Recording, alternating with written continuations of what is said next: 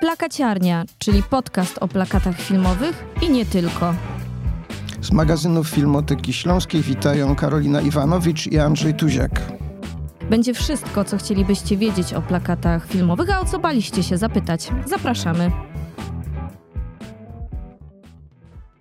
Dzisiaj mamy wyjątkowego gościa. Mamy ogromną przyjemność e, rozmawiać z Andrzejem Pongowskim. Plakaty zaczął projektować w roku 1977, ale w swoim dorobku ma także okładki płyt, okładki książek i oprawy artystyczne teledysków. Był dyrektorem artystycznym magazynów Scena, Moda oraz miesięcznika Playboy. Jest jednym z kilkunastu grafików na świecie, którzy zaprojektowali autorską okładkę tego czasopisma. Otrzymał wiele nagród. Myślę, że najważniejsze w jego dorobku prawdopodobnie to będą sześciokrotne zwycięstwa w konkursie magazynu Hollywood Reporter na plakat filmowy roku. Za chwilę połączymy się z panem Andrzejem w rozmowie telefonicznej. Porozmawia z nami bezpośrednio ze swojego studia w Warszawie. Dzień dobry. Witam serdecznie. Pierwsze pytanie z naszej strony. Czy pamięta pan swój pierwszy zaprojektowany plakat? Czy trudno się do takiej pracy przygotować? Pierwszy plakat był takim wydarzeniem dla mnie, że oczywiście, że go pamiętam. E, opisałem to w swojej książce Byciach Polgowski, ale myślę, że nie wszyscy czytali, więc chętnie to opowiem, tym bardziej, że to była też anegdota pewnego rodzaju. Zrobiła się z tego cała historia. E, to był jeszcze czwarty rok studiów. Wtedy plakat w Polsce święcił triumf. Kolekcjonerzy go kolekcjonowali, były targi plakatów, giełdy plakatów, wszystkie takie rzeczy. I rzeczywiście w Poznaniu była taka impreza, na której ja jako student siedziałem sobie tam przy jednym ze stoisk. E, akurat miałem szkicownik, bo przygotowywałem się do dyplomu Pracowałem tam, jakieś sobie rzeczy przeglądałem i nagle zatrzymał się koło mnie jakiś e, mężczyzna, który oglądał plakaty, spojrzał tak mi przez ramię, zapytał, e, kim ja jestem, powiedziałem studentem, on mówi, co to jest, ja mówię, że to moja praca do dyplomu. I tam była taka praca erotyka w sztuce, czy erotyka w plakacie, chyba coś takiego było. I był melonik z taką pupą. I on tak na to popatrzył, mówi, wie pan, ja jestem e, z Teatru Narodowego w Warszawie, czy pan by zrobił plakat do męża i żony, bo Adam Hanuszkiewicz właśnie wystawia wystawia e, tę e, sztukę u siebie. Oczywiście dla mnie, jak usłyszałem Teatr Narodowy i Adam Hanuszkiewicz, mówię, tak, nie ma problemu, ale o co chodzi? No wie pan, bo to jest melonik, tam, tam by bardziej zależało, żeby był taki kapelusz Fredrowski z tej epoki. Więc ja zrobiłem ten projekt. Oczywiście wtedy nie było internetu, nie było maili, nie było różnych takich rzeczy, więc pojechałem z nim do Warszawy. Spotkałem się z Adamem Hanuszkiewiczem, szedł, tam wszedłem do teatru. Adam Hanuszkiewicz tak popatrzył na ten projekt, powiedział, no okej, okay, okej, okay, okej, okay, mi się podoba i wyszedł. I po, po jakiejś chwili wrócił i mówi, panie Andrzeju, okej, jest bardzo dobrze, tylko niech pan usunie Teatr Narodowy, możemy drukować. Ja byłem tak podekscytowany tym, że jestem w Teatrze Narodowym i rozmawiam z taką wspaniałą osobistością, że w ogóle nie zadałem sobie myślowego trudu e, nad absurdem tego słowa i tego określenia. E, pojechałem do Poznania, projektowałem e, te napisy, wysłałem to do Warszawy, plakat poszedł do druku i tak naprawdę zapomniałem o sprawie, bo potem był dyplom, potem była cała potężna, e, potężna ilość pracy, bardzo szybki debiut po skończeniu studiów po latach, mając prezentację właśnie na Śląsku w Katowicach, któryś z młodych studentów, nie pamiętam czy młodych ludzi, jak ja pokazywałem, mówiłem właśnie pierwszy plakat dla Teatru Narodowego, mówi Panie Andrzeju, ale tam nigdzie nie ma Teatru Narodowego. Ja mówię, kurczę, rzeczywiście, nigdy nie zapytałem, dlaczego Adam Hanuszkiewicz taką absurdalną sytuację wymyślił, że na plakacie usunął miejsce, w którym jest grana ta sztuka. Zadzwoniłem do Władysława Serwatowskiego, bo to on był właśnie tym e, menażerem wtedy w Teatrze Narodowym. Ale mówi, ja ci nigdy tego nie mówiłem. Ja mówię, wiesz, no nie pytałem, to nie mówiłeś. I on mówi, wiesz, bo Adam był takim człowiekiem, wiesz co, wiesz jaki był Adam. No on z jednej strony był apodyktyczny i taki zdecydowany, ale sprawiał też wrażenie i chciał takie wrażenie, że on tak się wszystkich słucha, że on się radzi. No i chodził po teatrze, pokazywał ten plakat różnym osobom i na schodach spotkał Gustawa Cholubka. Gustaw Cholubek spojrzał na ten plakat i mówi, Adamie, dupa w narodowym? No to on usunął narodowy, prawda? Bo jemu się tak ta dupa podobała, że ten narodowy usunął. I rzeczywiście ten absurd perelowski, czyli że na ulicy wisiał plakat, na którym było napisane Aleksander Fredro mąż i żona, a nie było napisane w jakim teatrze to jest grane, nie miał żadnego znaczenia, ponieważ wszyscy wiedzieli, że Adam Hanuszkiewicz przygotowuje wielką premierę męża i żony w Teatrze Narodowym i I tak naprawdę ten plakat spowodował potem wszystkie następne konsekwencje artystyczne, łącznie z plakatem do filmu Amator dla Krzysztofa Kieślowskiego. Także tak to wtedy wyglądało, natomiast e, nasi słuchacze oczywiście, jeżeli nie wiedzą, to wystarczy wpisać Mąż żona Andrzej Pongowski plakat lub wejść do mojej galerii i sobie obejrzeć, jak ten plakat wygląda. E, plakat do filmu Przesłuchanie dla mnie jest dość mocnym takim przesłaniem wizualnym, gdzie widzimy twarz bohaterki przesłoniętą przez sylwetkę oprawcy w tym filmie, a jednocześnie jej włosy układają się w taką, krwawe włosy układają się w taką koszmarem wykrzywioną twarz, jeśli dobrze widzę. Skąd, skąd ten pomysł? Czy to było jakieś olśnienie, czy to po prostu e, drogą żmudnych e, dedukcji pan do tego doszedł, że tak powiem? No to wie pan co, to jest sytuacja taka, że e, pytanie jest świetne, bo ja właśnie sobie je od dwóch tygodni zadaję, ponieważ w tej chwili właśnie kończymy, dzisiaj skończyliśmy mój album jubileuszowy. Za chwileczkę będą moje 70. urodziny i z tej okazji robimy y, wydawnictwo, którego nigdy nie było. To będzie prawie 500 plakatów. I y, przeglądając te prace, przygotowując te projekty, wiele, wiele razy zadawałem sobie to pytanie, które pan zadał. Jak ja wpadałem na ten pomysł? Jak dochodziłem do czasami karkołomnych sytuacji graficznych? Jak dochodziłem do y, sytuacji, które dzisiaj, tak pamiętając film czy spektakl, skąd ja miałem w ogóle te skojarzenia. Natomiast w miarę upływu y, projektów, które przygotowaliśmy, stwierdziłem, że rzeczywiście chyba wtedy mnie nakręcało Dariusz Jabłorski, y, prezes fundacji y, organizującej nagrody filmowe Polskie Orły. Kiedyś mi powiedział, przepraszam, może to źle zabrzmi, ale że moje plakaty wtedy powstawały na wkurwie. I rzeczywiście w większości plakatów, jak ja na to patrzę, to była próba przemycenia pewnego rodzaju komunikatów dla społeczeństwa, dla widzów kontra cenzura, kontra PRL, kontra komuna, kontra te rzeczy. Ja byłem młodym człowiekiem, e, bardzo mnie to denerwowało. Obracałem się w środowiskach, które nie mogły się z tym pogodzić i nie godziły się, więc wielokrotnie próbowałem. I rzeczywiście w wielu plakatach pojawia się jako symboliczna czerwień, jako symboliczne sznury, jako symboliczne oderwania, krzyki, twarze. W przesłuchaniu, który zrobił na mnie potężne wrażenie, akurat ten profil to jest profil Stalina, bo wtedy on był jakby odpowiedzialny za tą całą machinę, która funkcjonowała i była machiną oprawczą. Plakat miał pecha, bo powstał tuż przed stanem wojennym i przeczekał się kilka lat e, razem z filmem. Także na plakacie, jeżeli Państwo sobie wygooglujecie, to możecie zobaczyć na dole, że jest właśnie podwójna data. W tej chwili dokładnie nie pamiętam, ale chyba 81 i potem albo 7, albo 6, coś takiego.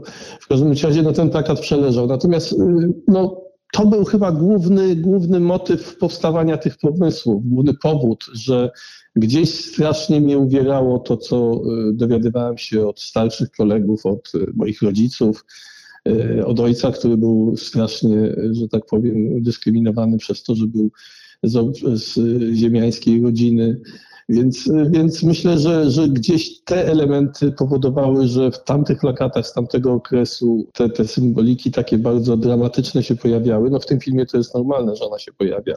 Natomiast też miałem wielkie szczęście, bo towarzyszyłem powstaniu kina moralnego niepokoju, czyli wszyscy ci twórcy, którzy tworzyli wtedy te filmy w większości na półki, są u mnie w portfolio. Także to były takie czasy i myślę, że stamtąd bardzo wiele jest takich pomysłów, które jak ja dzisiaj analizuję, to one chyba powstawały e, właśnie dla, dlatego, że, że w jakiś sposób chciałem e, widzom dać sygnał.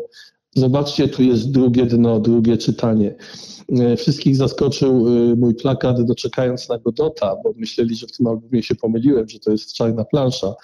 Czekając na Godota dla Teatru Jaracza w czasie stanu wojennego był czarnym plakatem. Po prostu była płaszczyzna czarna, kompletnie i było napisane na górze białe liternictwo czekając na Godota. I w momencie, kiedy ten plakat się pojawił na ulicach, ludzie zaczęli dopisywać różne rzeczy, oczywiście anty, mm, antyrządowe, antykomunistyczne i tym podobne rzeczy. Dopisywać w sensie na plakacie? Tak, kredą, farbą, y, jakimiś tam rzeczami. I oczywiście bardzo szybko ten plakat y, zniknął z ulic, ale właśnie tak, tak ja sobie tak wymyśliłem, że jak czekając na Godota, coś mam jakieś przemyślenia, jakieś sytuacje, ale jak obserwuję to dzisiaj, to większość tych sytuacji była spowodowana, żeby ludziom dać czy to w Hamlecie, czy to w Romeo i Julii, czy to w, właśnie w jakichś filmach, szczególnie tych młodego pokolenia, które wtedy debiutowało, Agnieszka Holland, Krzysztof Kieślowski, Kijowski, Zaorski, to byli wszystko młodzi ludzie, to żeby im dać szansę przekazania pewnego rodzaju wypowiedzi, które no, próbowaliśmy z cenzurą się bawić, w cudzysłowie oczywiście bawić, Także tak to wyglądało. No, jeszcze tylko dodam, że ten plakat przesłuchania, o którym pan Taylor opowiadał, to dostał nagrodę Hollywood Reportera za najlepszy plakat roku 1990, choć film jest 82 roku i to taki dość najsłynniejszy polski pułkownik, bo on długo leżał na półkach. Tak, on, on leżał najdłużej, zdecydowanie, bo z takich moich pułkowników to na pewno był Indeks, bo pamiętam, że on też leżał. Na pewno była gorączka Agnieszki Holland. Chyba też aktorzy prowincjonalni. Że to kiedyś y, na którymś spotkaniu właśnie zapytał mnie jeden z widzów o współpracę z takimi ikonami kina. Ja mówię, proszę Państwa, no, proszę pamiętać, że wtedy te ikony kina debiutowały. Ja nie miałem zielonego pojęcia, robiąc pierwsze plakaty dla Agnieszki Holland czy dla Kieślowskiego, że to będą tak głośne i y, mocne nazwiska w przyszłości. To w ogóle, jak z Andrzejem Biden zacząłem pracować, a pierwszy plakat to był do Człowieka z żelaza, y, to już wiedziałem oczywiście, kim jest Andrzej Wajda i to był wielki reżyser. Natomiast y, ci młodzi to byli debiutanci zupełnie. Pamiętam, że Krzysztof Kieślowski, jak mnie zaprosił na spotkanie i rozmawialiśmy o, o współpracy i Krzysztof powiedział, wie pan, mi się bardzo podoba to, co pan robi. Ja ufam, że pan, że pan pracuje dla mnie, dla kina, że pan ma takie podejście. To ja, wie pan, ja, ja lubię mieć to poukładane. Ja potem nie chcę się męczyć. Jak ja już raz zaufam, to wolę zaufać. Umówmy się, że ja będę robił filmy, a pan będzie robił plakaty. Ja tak sobie myślałem, no fajnie, no okej. Okay. Wróciłem do domu, opowiadam żonie o tym, że ona mówi, a ile on zrobił filmów? Ja mówię, no na razie dwa. No wiesz, może.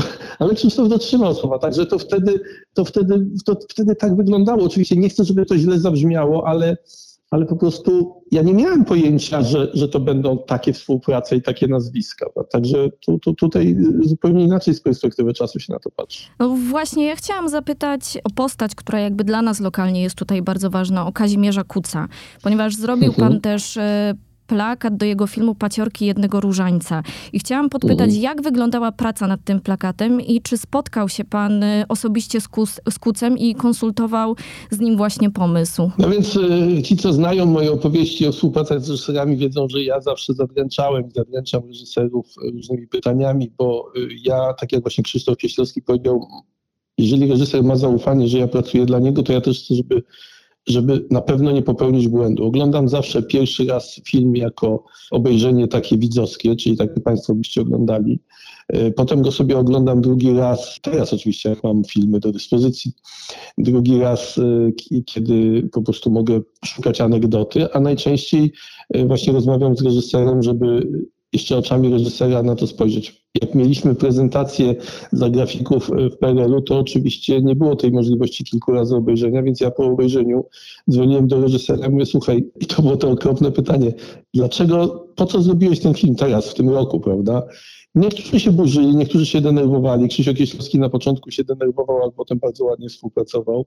Natomiast Kazimierz Kuc, jak Państwo znacie Kuca, w ogóle po prostu ja nie będę odpowiadał na takie pytania i w ogóle nie chciał odpowiadać na te pytania. Także ja żałowałem, że nie robiłem więcej dla niego, bo bardzo lubiłem jego kino, ale zostawił mnie samego z tym, z tym problemem, bo chyba nie należał do ludzi, którzy, którzy by się skupiali na pytaniach młodego grafika, y, po co pan zrobił ten film, dla kogo. Ta sama sytuacja, ten sznur się znowu pojawia, ten, znów, ten sznur się znowu w jakiś sposób staje symboliczny.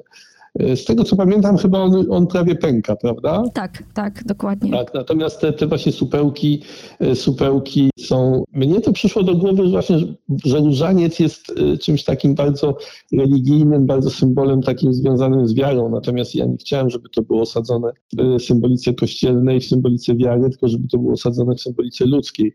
A gdzieś przeczytałem, to akurat pamiętam, bo właśnie przez to, że Okuc mnie zostawił samego, to inaczej pracował. Gdzieś przeczytałem właśnie o o tym, że ktoś y, jakby takie najważniejsze symbole swojego życia na, na y, takich supełkach robił, które nosił jako bransoletkę. Y, I pomyślałem sobie, że rzeczywiście takie supełki są pewnymi jakimiś tam wydarzeniami, a między tymi supełkami może nastąpić przerwanie tego łańcucha. Także tak gdzieś kombinowałem wtedy. Teraz moje pytanie dotyczy chyba, nie wiem, może się mylę, najsłynniejszego plakatu, czyli... Już wiem, o, o czym pan mówi. Amator. Tak, trafiłem? No, a nie, to myślałem o tym innym. Dobra, amator może być. Nie, to takich jak amator, wie pan, takich plakatów jak amator, y, słowem najsłynniejszych to jest bardzo dużo. Natomiast jest jeden plakat, który mnie prześladował zawsze. Tak jest dobrze jest mieć tyle słynnych plakatów w kolekcji. Natomiast ja widzę, i nie wiem, czy dobrze idę, tu jest taki trop trochę surrealistyczno-dadaistyczny, czyli przykręcenie obiektywu do cegły. Jest to takie mm, e, zestawienie dość, bym powiedział, karkołomne, a jednocześnie super pasuje do, do tego filmu. No, Krzysztof bardzo lubił, Krzysztof bardzo lubił ten plakat, e, natomiast symbolika oczywiście znowu była polityczna, że że y, no, taką kamerą, jaką ma się, jaka jest na tym plakacie, nic się nie nakręci, prawda? A tego też była pewnego rodzaju symbolem komuny. Więc, więc pokazanie właśnie, y, a wiadomo, że w amatorze głównie chodziło o to, że jemu nie pozwolono robić takich filmów, jakby chciał.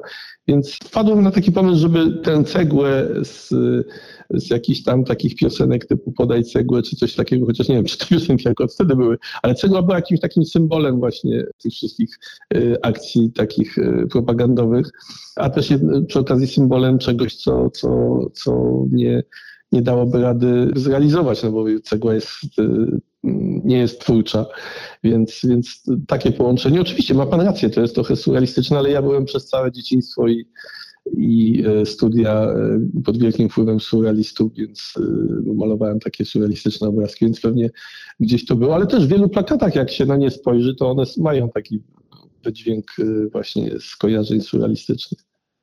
Zresztą to była surrealistyczna rzeczywistość, więc... To na pewno. Ja chciałam jeszcze troszeczkę powrócić do tego motywu sznura i jeszcze zahaczyć o temat y, samej cenzury, ponieważ kiedy stworzył pan plakat do filmu Kung Fu, co zresztą możemy też przeczytać w pana książce, został pan wezwany na dywanik do Głównego Urzędu Kontroli. I czy takie sytuacje bardzo często się zdarzały i czy cenzura sama w sobie odegrała ważną rolę w pana twórczości? No jak Państwo słyszeliście, odegrała, bo mobilizowała, bo, bo, bo była dla mnie e, w cudzysłowie twórcza, czyli wiedząc, że cenzura patrzy na to, co robimy i e, bardzo szybko przyjaźniąc się z reżyserami, rozmawiając z nimi, wiedziałem też, jakie oni mają problemy. Pamiętam, jak Bareja przy robieniu Misia, żeśmy mieli rozmowy, to Bareja też wiedział, że z jego filmu powycinają, a, a mój film, przez, mój plakat przez chwilę został tylko zatrzymany, potem puszczony. Natomiast przy Kung Fu tak, ja miałem e, kilka. E, pierwsza to była Imperium Namiętności, absurdalna wizyta w, w cenzurze, kompletnie bezsensowna i właśnie słowo surrealistyczne jest tutaj pasujące. To był mój pierwszy plakat, który został zatrzymany przez cenzurę i poproszono mnie, żebym tam pojechał. Pojechałem, cenzor mnie przywitał i mówi, wie pan, tu mamy problem z tym plakatem, bo wie pan, dwie piersi nie przejdą. I sam ten tekst był tak idiotyczny i surrealistyczny. Ja mówię, jak to dwie piersi nie przejdą? Wie pan, no mamy taki tutaj, nie będę pana tego, ale gdyby pan jedną zamalował, to będzie ok. No i ja wtedy poprawiłem ten plakat, zresztą on bardzo zyskał przez tą poprawkę.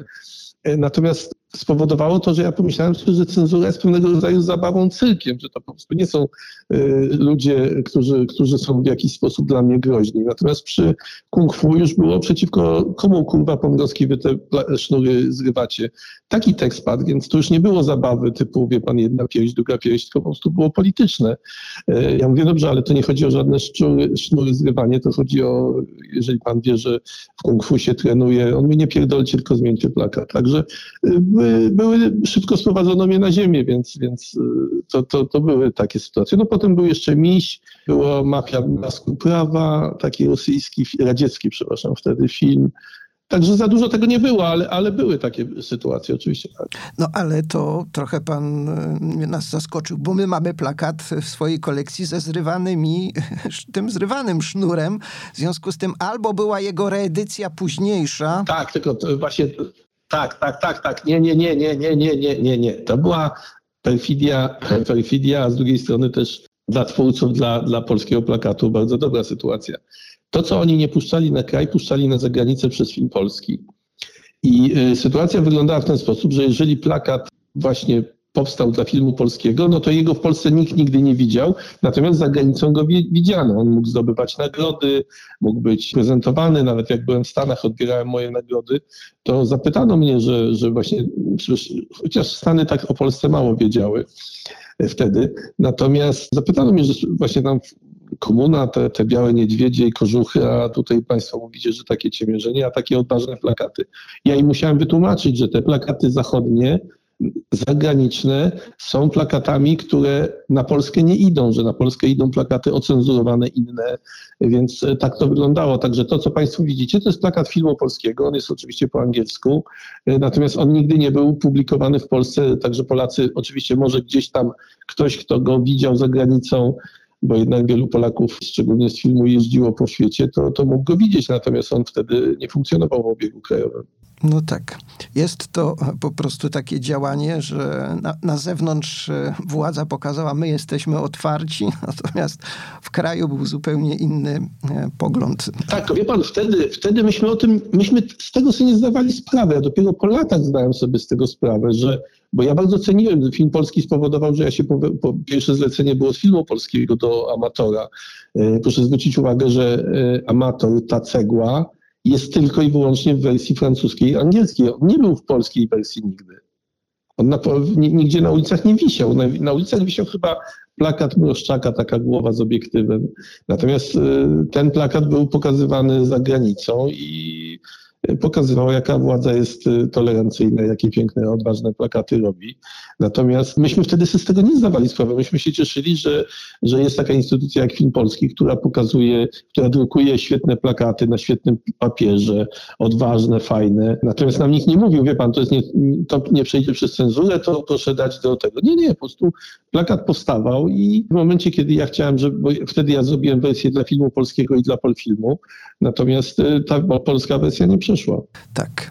A czy ma pan jakichś twórców, którzy pana inspirują do pracy nad plakatem? Czy jest to, nie wiem, plakat dany japoński, czy, e, czy coś e, właśnie z surrealizmu, z, z dadaizmu?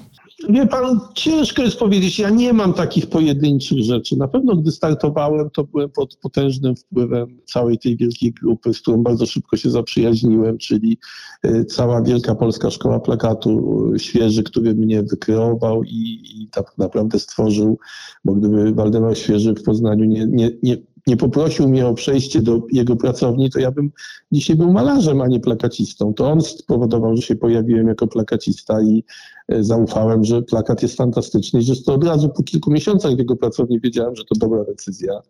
Ale potem wrócając do Warszawy, dzięki Waldkowi poznałem bardzo szybko Tomaszewskiego, Młodożeńca, Starowiejskiego, Lenicę, Urbańca, Górkę Lepińskiego. To po prostu to się pojawiło nagle, ponieważ ja wcześniej jako młody chłopak traktowałem plakaty jako ozdobniki, a nie jako twórczość. E, dopiero na studiach nabrałem szacunku do plakatu i zrozumiałem, że to są konkretni twórcy i że bardzo fajni twórcy.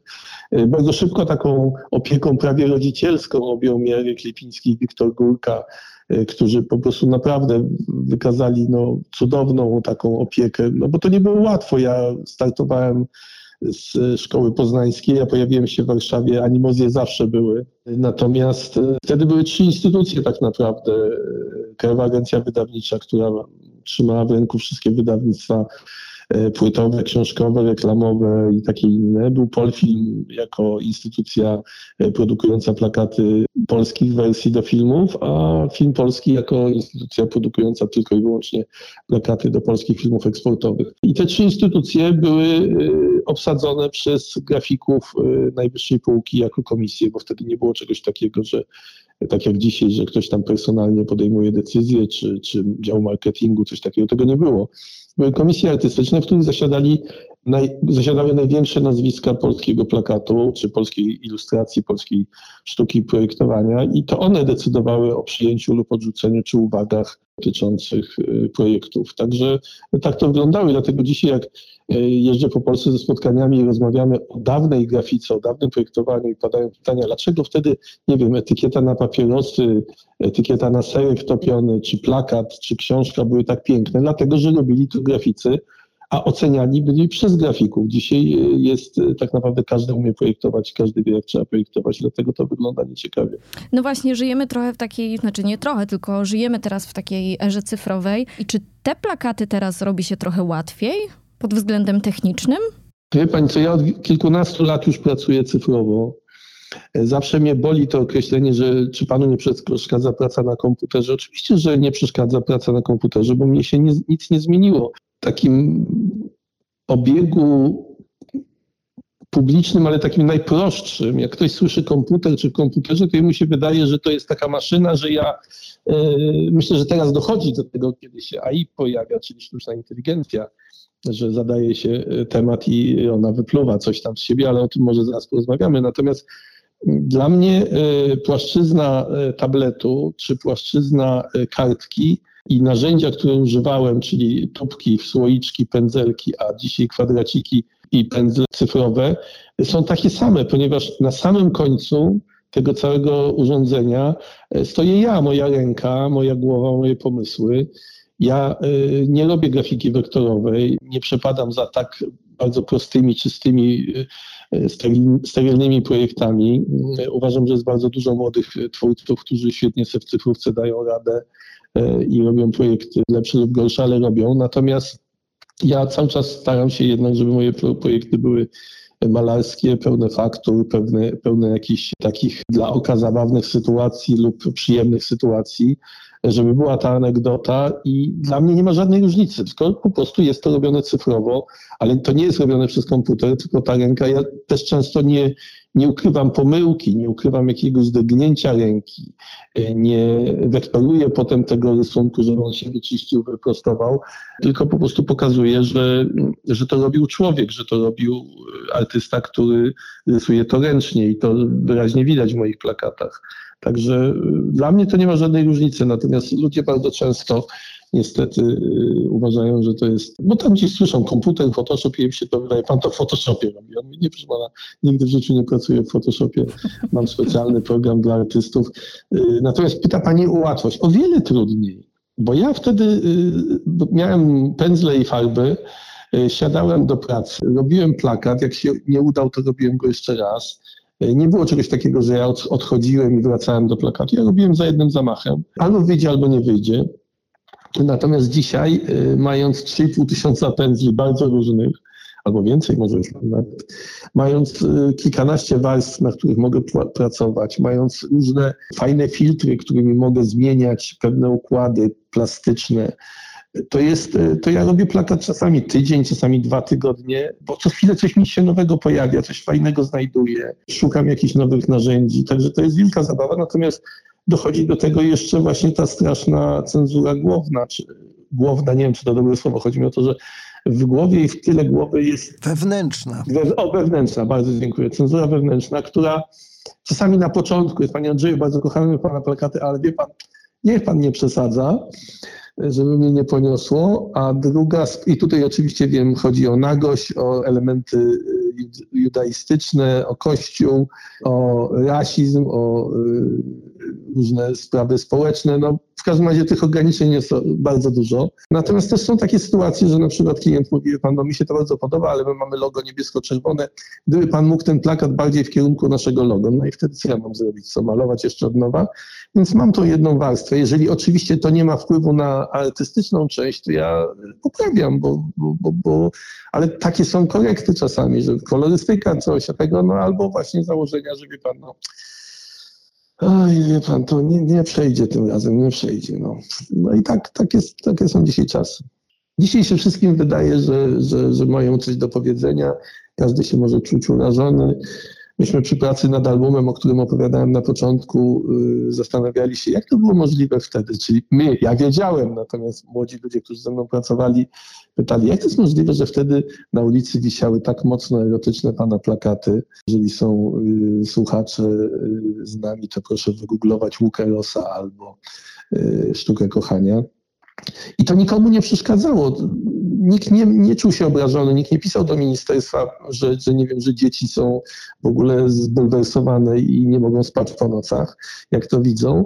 Natomiast dzisiaj wystarczy pokazać zdjęcie wspaniałego fotografa Chorowica na Facebooku i dostałem dwa miesiące bana za, za jego zdjęcie nagie, które po prostu jest wielką sztuką nagradzaną na świecie, a ja to pokazałem będąc na jego wystawie i nagle mnie Facebook e, zablokował na dwa miesiące i mam konto z ostrzeżeniem. Także to są te absurdy. To są te absurdy. No. Czy w związku z tymi absurdami, które się pojawiają, nie ma pan już dość robienia plakatów i mówi sobie na przykład, a kończę z tym, teraz będę sobie malował dla przyjemności? Te pytanie może wyglądać w ten sposób.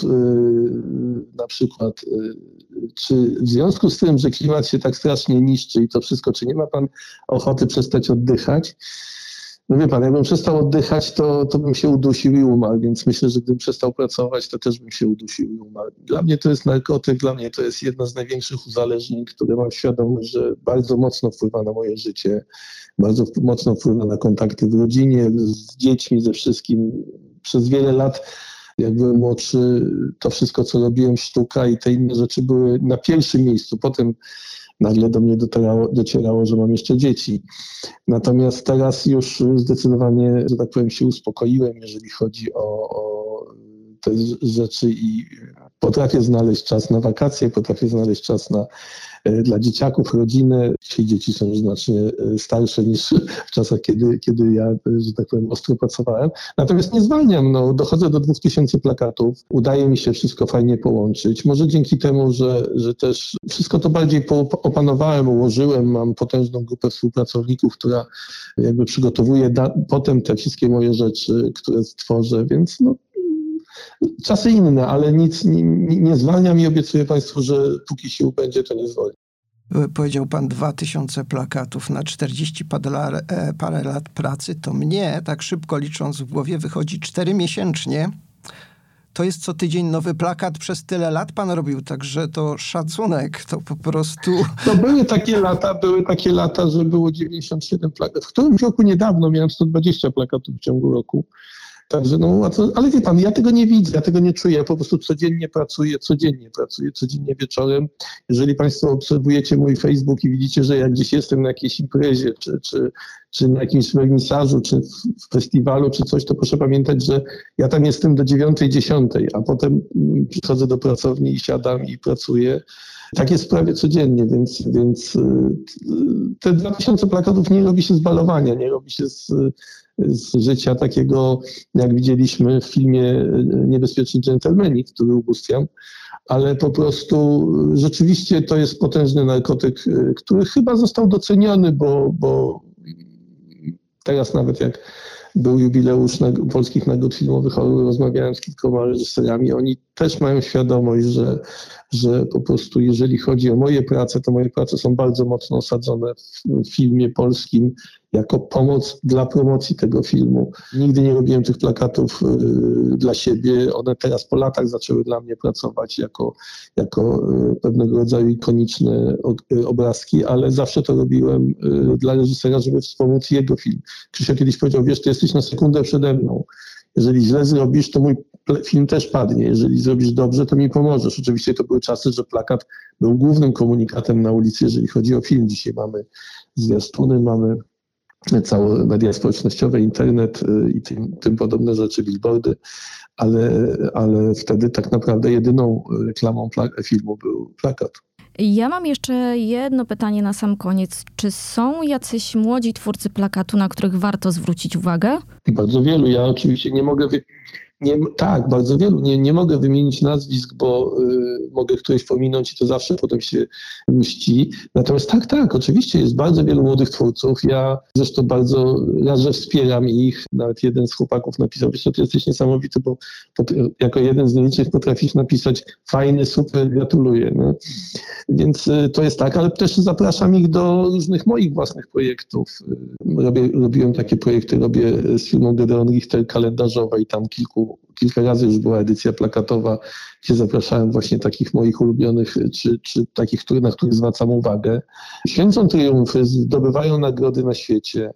E, dzisiaj to zupełnie inaczej funkcjonuje, bo wtedy, wtedy ja e, nie mogłem wysyłać plakatów e, na konkursy światowe, dlatego miałem to wielkie szczęście, że dzięki temu, że film polski właśnie robił te plakaty. Ja o tym mówiłem, że z jednej strony to było takie dziwne robienie, ale z drugiej strony wielka promocja. Dzięki temu, że film polski wysyłał plakaty do Hollywood, to udało mi się tam sześć razy jako jedyny Polak zdobyć y, główną nagrodę i raz główną taką największą Grand, Grand Prix, więc The Best of Show, więc gdyby nie te sytuacje, to by takich nie było. No dzisiaj tych konkursów jest masę. Wysyła się tak naprawdę plik internetowy, plik elektroniczny i po prostu ta wielka, potężna ilość tego wszystkiego krąży w świecie i tutaj nie ma problemu. I y, większość takich młodych grafików, których obserwuję, to bardzo szybko nawiązuje kontakty ze światowymi firmami, bo też y, ja robiłem tylko dla kilku, dla dla Jordana, dla Romana Polańskiego. W każdym razie to były takie sytuacje, że oni gdzieś tam zobaczyli i bardzo ciężko było im znaleźć kontakt do mnie, prawda? Natomiast dzisiaj to wystarczy, nie wiem, mail, telefon i już się jest... I nawet nie trzeba jechać y, gdzieś. Ja pamiętam, że w Sztokholmie na wystawie ktoś mnie zapytał, jak się współpracowało z Kurosawą, bo tam wisiał mój plakat do siedmiu samurajów. Y, ja zażartowałem, że bardzo dobrze, tylko trochę się nie rozumieliśmy, ale tak naprawdę przecież ani Kurosawa nie wiedział, że ja robiłem ten plakat, ani ja nie miałem z nim możliwości współpracy, więc y, to były inne czasy.